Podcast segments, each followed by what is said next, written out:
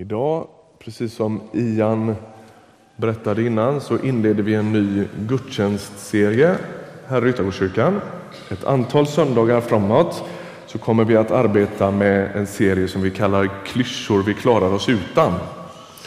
Och tanken med det, det är att försöka angripa en del eh, uttryck och talesätt och liksom grejer som vi slänger oss med och fundera över, är det, är det verkligen ett kristet sätt att tänka? Eller har Bibeln något annat svar på de där klyschorna eller de där talesätten? Om man slår upp klyscha och hittar synonymer till det så kan klyscha betyda klichéartat uttryck, en kliché, en tom fras, ett modeord, ett nött slagord, en plattityd, floskel eller schablon. Det kan också betyda spottkluns och salivklump. Men det är inte riktigt det vi ska prata om idag. Visst får man otäcka bilder. Mm. Utan fundera lite över det här med vad, och en klyscha, det kan också, man skulle kunna beskriva det så här. Klyscha kallas en benämning som används så ofta att ordens innebörd helt har förlorat sitt värde. Det skulle ju kunna vara så att en klyscha, den måste inte nödvändigtvis vara osann, men den kan ha nötts så mycket så att man inte längre liksom, den betyder inget längre. Det blir bara som om munnen går på tomgång på något sätt. Ofta har ju klyschorna ett uns av sanning, men så kanske de har plattats till och så kommer de att betyda något annat eller de kommer att betyda ingenting. Alltså, det finns ju klyschor i alla möjliga olika världar. Varje miljö och varje, varje, gemenskap har ju sina uttryck. Det blir nog kanske aldrig så tydligt som när man tittar på tv-sporten. Eller hur? Den är besudlad med tomma uttryck. Eller hur? Ja, jag, eh, kämp, jag, jag gör så gott jag kan och så får vi se hur långt det räcker. Undrar hur många gånger det har sagts på Sportnytt. En miljon säkert. Va? Eller om intervjuar Henrik Larsson som börjar varje svar med ett nej. Har ni det? Hur gick det då tycker du? Nej, jag tycker det gick ganska bra. Så. Du gjorde några mål? Nej, det blev ett par stycken. Så. Det är något besynnerligt med det. Men i alla fall, men de har mycket, det finns en, en rad uttryck när de gör de här intervjuerna. Ni vet, nu är det ju friidrotts-VM och de gör intervjuer i sån där eh, journalistzonen där som inte handlar om någonting. Det liksom går bara runt på något sätt och det är en, en, en rad färdiga fraser som, som liksom staplas på varann. Men vi alla liksom, har ju en del sådana. Och dagens uttryck som vi ska stanna inför idag, det är tiden läker alla sår. Den ska vi fundera lite över idag. Tiden läker alla sår. Eh, och det där uttrycket skulle man kunna stanna vid på alla möjliga olika sätt. Det finns ju massvis med olika sår som vi människor tillfogas på olika sätt. Men det jag kanske lite särskilt skulle vilja eh, angripa eller jobba med tillsammans med er idag har med konflikter och relationer att göra. Ibland är det ju helt klart så att vi i kyrkan har varit lite rädda för konflikter. Därför att vi kanske mer, lite mer än andra har fått för oss att en, en varm gemenskap, den är konfliktfri. Ibland har vi fått för oss det. Och det har varit helt ödesdigert i kristna gemenskaper, precis som i alla andra. Vi har ibland gömt oss bakom en del lite fromma uttryck och så har vi haft en tendens ibland jag säger ibland, för självklart är det inte alltid så här och bland alla, men ibland har vi fallit för frestelsen att sopa alldeles för mycket saker under mattan. Vad händer när man gör det? Ja, men uttrycket är ju enkelt att förstå var det kommer ifrån. Va? Istället för att städa hemma så lyfter man lite på mattan och sopar in och så, och så är det rent. Men det är det ju egentligen inte, utan allt smuts finns kvar. Man har bara gömt den. Och när man gömmer den under där så, så försvinner den ju inte. Det är ju dessutom så att ju mer man sopar under den där mattan desto troligare är det ju att man förr eller senare kommer att snubbla på det man har sopat under mattan, eller hur? Det blir ju liksom en hög under det till sist. Jag vet inte, jag skulle aldrig göra så när jag städar. Men det sägs att en del gör så. Eh, och i värsta fall så snubblar man inte bara på det man har lagt under mattan, utan det där man har sopat under mattan, om ni förstår, nu pratar vi inte städning längre, det skulle kunna i värsta fall bli någonting som faktiskt kodar mitt liv, alltså som, som, som blir den lins genom, vilket jag, genom vilken jag läser allt som händer. Och så börjar jag faktiskt att bli bitter. Det skulle kunna hända. Eller cynisk, eller vad jag nu blir. Jag tänkte vi skulle läsa en bibelvers ifrån Nya testamentet. Det är Paulus som är författare och vi läser det från Romarbrevet som är ett av hans, en av hans paradtexter måste man säga. I Romarbrevet 12 läser vi en vers idag som vi ska stanna vid en liten stund. Vers nummer 18 där Paulus säger så här. Håll fred med alla människor så långt det är möjligt och kommer an på er. Håll fred med alla människor så långt det är möjligt och kommer an på er. Den stannar vi vid en stund och börjar med Håll fred med alla människor. Ibland bedrar vi oss själva och så får vi för oss att fred och vapenvila är samma sak. Du vet en vapenvila, då, då har egentligen inte freden inträtt utan man har bara lagt ner sina vapen, ingen pratar med varandra, man låtsas att allt är okej. Okay, och det är en sorts synbar fred, men det är inte fred. Utan man har bara lagt ner sina vapen. Jag hörde någon en gång som myntade ett uttryck som jag liksom ja, som fastnade lite hos mig. Vederbörande hon sa så här. Ibland så skulle den där vapenvilan kunna beskrivas som syntetfrid. Syntetfrid. Alltså, det kanske ser ut som frid, men den är lite konstgjord på något sätt. Va? Den är inte på riktigt, utan det är, det är mycket under mattan och det är mycket vapenvila, men det är lite frid och fred. I bibeltexterna så är frid och fred samma ord. Därför kan vi liksom jobba med båda de där begreppen. När vi, när vi pratar om att hålla fred med varandra så handlar det om att leva i fred och i frid med varandra. Och du vet, när vi, när vi ägnar oss åt syntetfrid, då har vi ju liksom hela arsenaler med uttryck och liksom beskydd för att fortsätta med det. Vi säger saker i stil med ja, men vi vill inte väcka den björn som sover. Vi väljer att gå vidare. Vi vänder blad, var det någon som sa. Och En del av de här uttrycken de är, mer, de är mer fromma än andra. Vi säger ah, men du vet, jag vill inte vara dömande. Eller vi lämnar det till Herren. Och du förstår vad jag, hör vad jag säger nu, jag raljerar inte över att lämna det till Herren, men ibland kan jag ana att det är som om han säger, vad ska jag med det till? Ta ansvar nu. Gör något med det här. Lös den här konflikten. Sträck ut en hand. Verka för försoning. Att lämna det till Herren skulle ibland kunna vara ett uttryck för flykt och syntetfrid.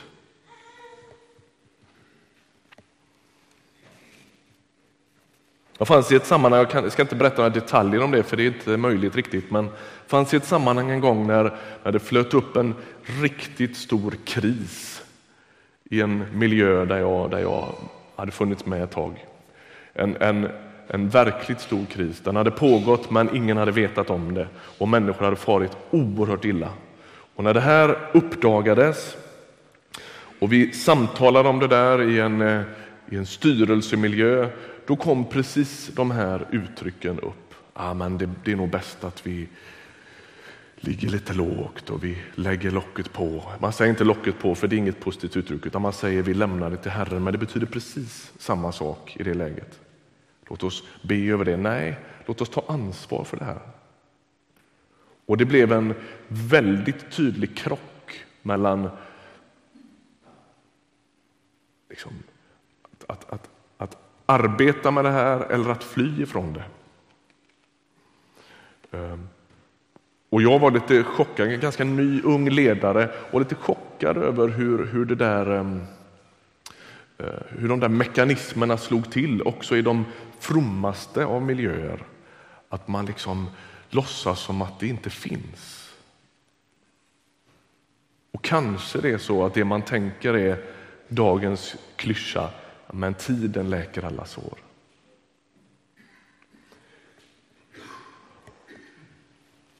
Det här handlar inte om att bli ältande eller att hålla på och liksom grotta ner sig i problem och så, utan det handlar tvärtom om att ta ansvar och att komma till avslut med saker. Du vet alla de där uttrycken, vi lämnar det till Herren, jag vill inte vara dömande, vi väljer att gå vidare och så vidare. Det kan ju vara sant, men aldrig som substitut, aldrig som ersättning till verklig försoning. Då blir det inte bra. Då blir det inte bra. Då kan den frommaste av fraser vara bedräglig. Vi kan liksom inte gömma oss bakom det. Att hålla fred är nämligen inte detsamma som att utlysa vapen vila eller vapenstillestånd, utan det går djupare. Många människor har, och relationer har utverkat vapenstillestånd, men man har egentligen inte slutit fred. Vi återkommer till det. Vad säger versen vidare? Så långt det är möjligt. Det här tycker jag är schysst. Därför att det här finns med ofta i bibeltexterna. Bibeltexterna lyfter liksom inte ifrån backen och, och blir bara idealistiska, utan de är också väldigt realistiska. Bibeltexterna har alltid med det faktum att människan är skadad och sårad och, och eh, illagjord och märkt av synd och självcentrering. Och därför kan Paulus säga så här, håll fred med alla människor så långt det är möjligt. Säger han. Därför att också Paulus inser att det är inte alltid möjligt. Det går inte alltid. Och så säger han, och kommer an på er. Det finns ett engelskt uttryck som heter It takes two to tango. Så man måste vara två för att dansa. Jag har ingen aning. Jag, jag, ja. Det är inte min grej, kan jag säga direkt. Eh, och det ska ni vara glada för. Därför att en del människor kan man inte försonas med. Det är som om Paulus inser att ja, men det, det, du, du, kan inte ta ansvar för någon annan människas val, men du kan alltid ta ansvar för dina egna. Så långt det kommer an på er. Det kan finnas, det kanske är så att du sitter här i, i kyrkan idag och tänker ja men det där är lätt att stå där och säga, vara predikant och, och, och, och liksom lägga ut texten. Men om inte försoning är möjlig, nej men så är det ibland. Så är det ibland. Men det är som om Paulus säger att, att så, så, så, länge, så, så långt som, som jag kan ta ansvar så kan jag verka för försoning. Så långt som jag, som mig anbelangar, så kan jag sträcka ut en hand, så kan jag söka relation, så kan jag försöka vara noga med att inte sopa saker under mattan. Så långt det kommer an på er.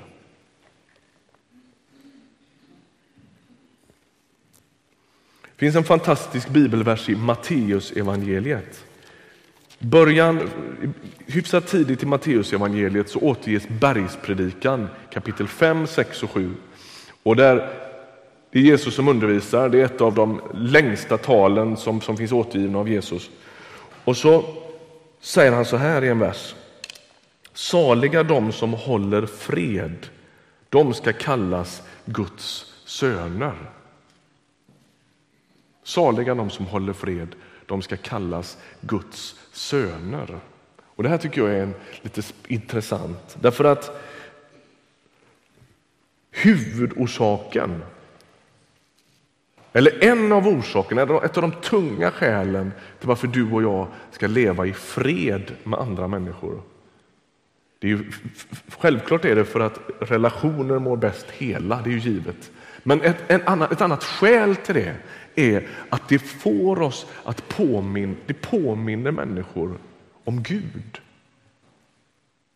Den som håller fred ska kallas Guds son. Och i ett, bibel, ett bibelspråk så handlar det om att genom att vara freds och fridsstiftare så, är du, så, så för du arvet vidare på något sätt. Det börjar lukta Jesus om dig när du stiftar frid och fred. Det är liksom det han försöker säga. Du kallas Guds, ni kallas Guds söner och Guds döttrar genom att leva i frid och fred i era relationer. I, I Gamla testamentet så beskrivs Jesus som fridens förste. Det där smakar jag på ofta. Är inte det ett fantastiskt tjusigt uttryck? Fridens furste, eller fridsfursten. Det finns ju väldigt många stridsfurstar, eller hur? Vi har sett de senaste dagarna hur, hur hela Libyen-katastrofen, liksom, hela Gaddafis regim krackelerar sönder. Allt annat än en fridens furste. Det var någon bild i Dagens Nyheter igår på en libyer som inne i Gaddafis palats som nu då liksom plötsligt blev söndagsutflykten dit man kunde åka och titta hur han verkligen hade haft det. Så står han i vrede med en slägga och slår ner en vägg. Liksom. Det är 40 års liksom, uppdämd vrede och förnedring och det är allt annat än en fridsförste. Så kommer Jesus och så är han så annorlunda, så är han så baklänges på något sätt i sitt, i sitt regentskap och så kallas han för fridens förste. Och när man håller fred, när man stiftar frid, då påminner man så mycket om honom så att man kallas Guds söner.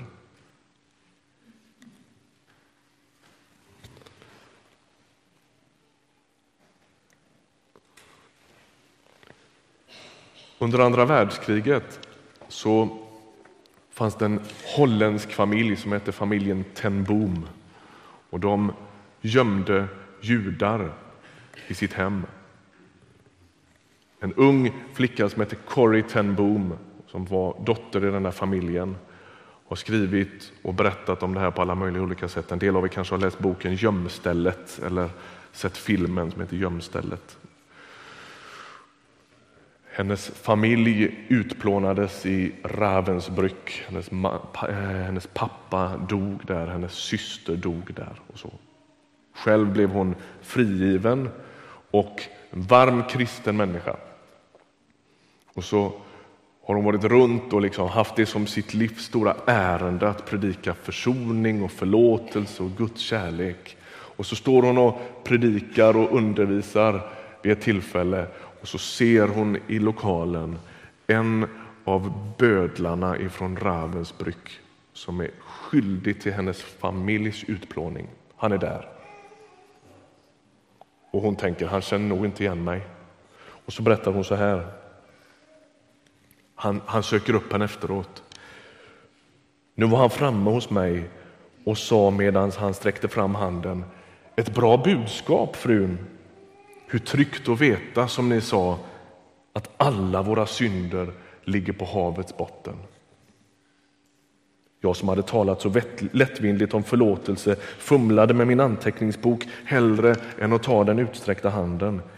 Han kunde naturligtvis inte komma ihåg mig. Hur skulle han kunna komma ihåg en fånge bland alla tusentals? Men jag kom ihåg honom. Jag kom ihåg läderpiskan som hängde ner från hans bälte. Jag stod ansikte mot ansikte med en av mina fångvaktare och mitt blod tycktes frysa till is. Ni nämnde Ravensbrück i ert anförande, sa han. Jag var en av vakterna där. Nej, han kom nog inte ihåg mig. Men sedan dess, fortsatte han, har jag blivit en kristen.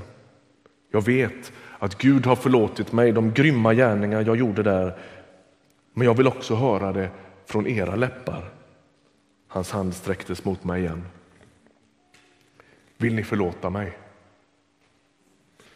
Och jag stod där, jag vars synd gång på gång hade förlåtits, kunde inte förlåta. Min syster Betsy hade dött där borta. Hur kunde han utplåna hennes långsamma fruktansvärda död bara genom att be om förlåtelse? Det kunde inte ha varit många sekunder han stod där med utsträckt hand, men det tycktes mig som timmar medan jag brottades med det svåraste jag hade att göra. För jag måste göra det, det förstod jag. Budskapet om att Gud förlåter har ett första villkor, att vi förlåter dem som skadat oss. Om ni inte förlåter människorna deras försyndelser, säger Jesus, så ska ej heller er fader som är i himlen förlåta era försyndelser. Jag visste att detta inte bara var en befallning från Gud utan en daglig erfarenhet. Sen slutet av kriget hade jag haft ett hem i Holland för de brutala nazisternas offer.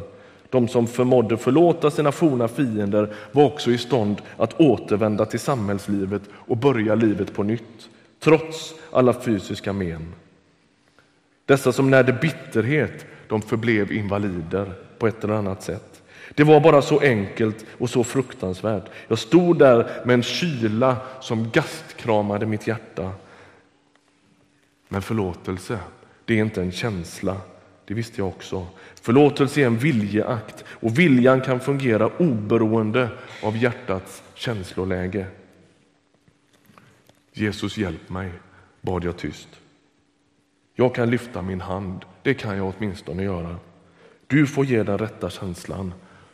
Och så, stelt, mekaniskt, stack jag min hand i den utsträckta handen.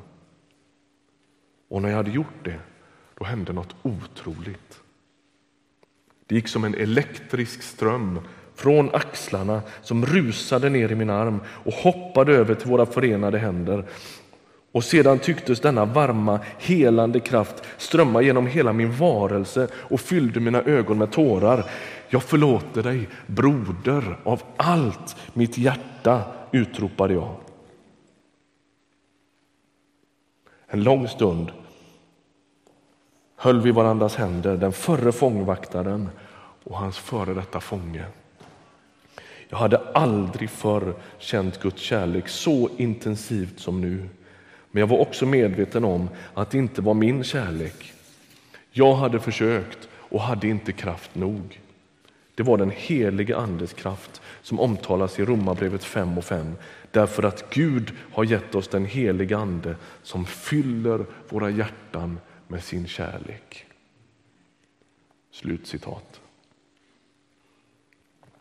Om Corrie ten Boom hade varit full med klyschorna och reagerat som vi väldigt ofta gör, vi människor. Oavsett vilka vi är, oavsett om vi har Bakgrund eller inte, så kanske hon antingen hade sagt något vast, vänt på klacken och gått, eller eventuellt sagt något fromt. Oförlåtelse förklätt till något helt annat. Och så skulle hon inte fått uppleva det som kan hända när Gud griper in.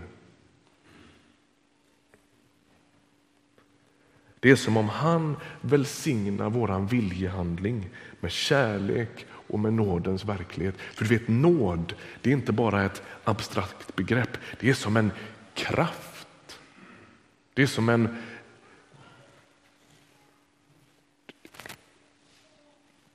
det är, det är, en, det är en, ver, en, en verklighet som kan röra vid våra liv.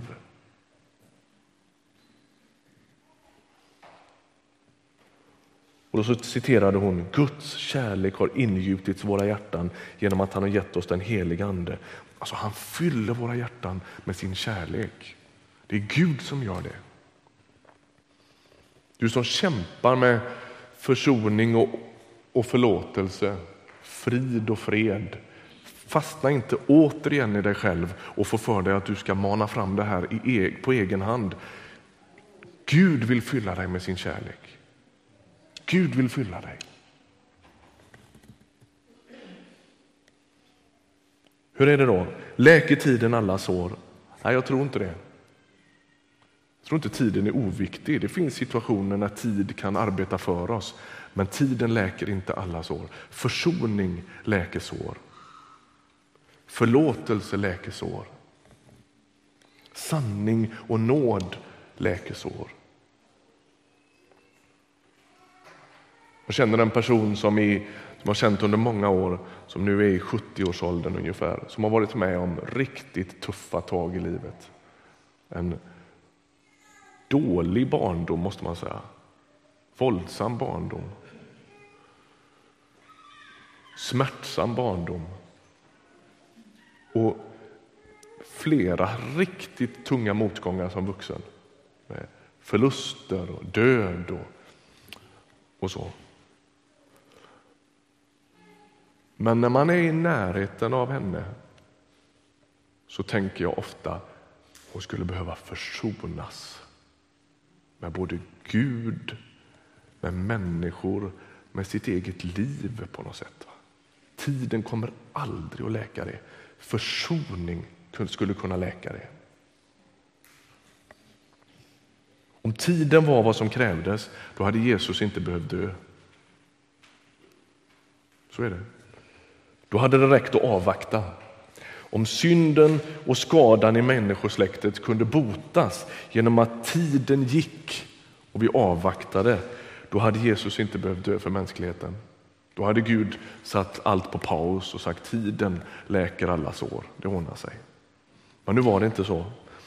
Utan Jesus var tvungen att bryta in i mänskligheten med försoning. Och Jag tror att det som djupast kan läka och upprätta våra liv, det är ett möte med den där fridens första Jesus själv. Han är den som på riktigt kan hjälpa oss till frihet, försoning, fred och läkedom. Han vill bli en del av dina sår. Han är själv den sårade. Han beskrivs i Bibeln som smärtornas man. Och Jag önskar att du skulle kunna se det, att jag kunde måla det för dig idag. Hur han liksom står smärtornas man med utsträckta händer och vill bli en del av dina sår. Han som är fridens förste, han vill ge dig mod så att du kan gå in i processer, få ett avslut eller kanske till och med lyfta på mattan och liksom försonas med ditt liv. Jag vet inte hur många av er som har funderat över den här blomsterdekorationen här idag, att den är täckt.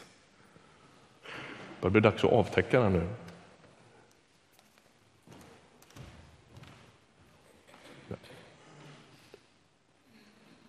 Allt det där som har sopats under mattan, som i och för sig är jord och du vet, kan också, bli, kan också växa till något som blir vackert i Guds hand. Hela frälsningsdramat är en hälsning in i ditt och mitt liv att ingenting någonsin är kört. När Gud får hand om det kan det väckas upp till liv.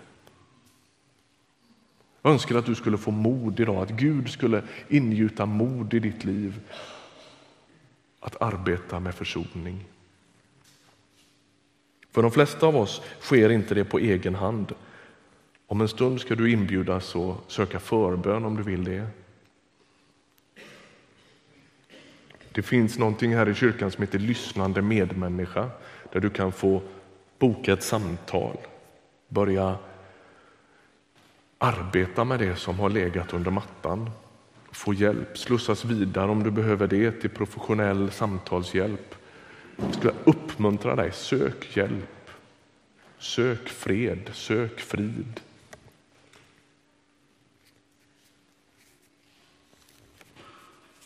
Så långt som det kommer an på dig. Ska vi be? Herre, vi tackar dig för att du är här. Tack att du vill röra vid våra liv.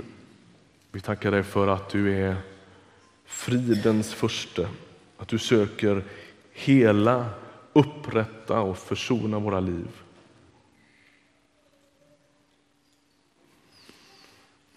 Herre, jag skulle vilja be för den som sitter i bänken här och på ett eller annat sätt påminns om kanske händelser, incidenter, um, ord som har sagts eller tydliga konflikter eller andra typer av missräkningar i livet. Herre, vi ber om mod. Att ta dig, fridens första i hågen och gå in under den där mattan och försonas med sig själv, med dig och med andra människor. Tack att du hör oss när vi ber.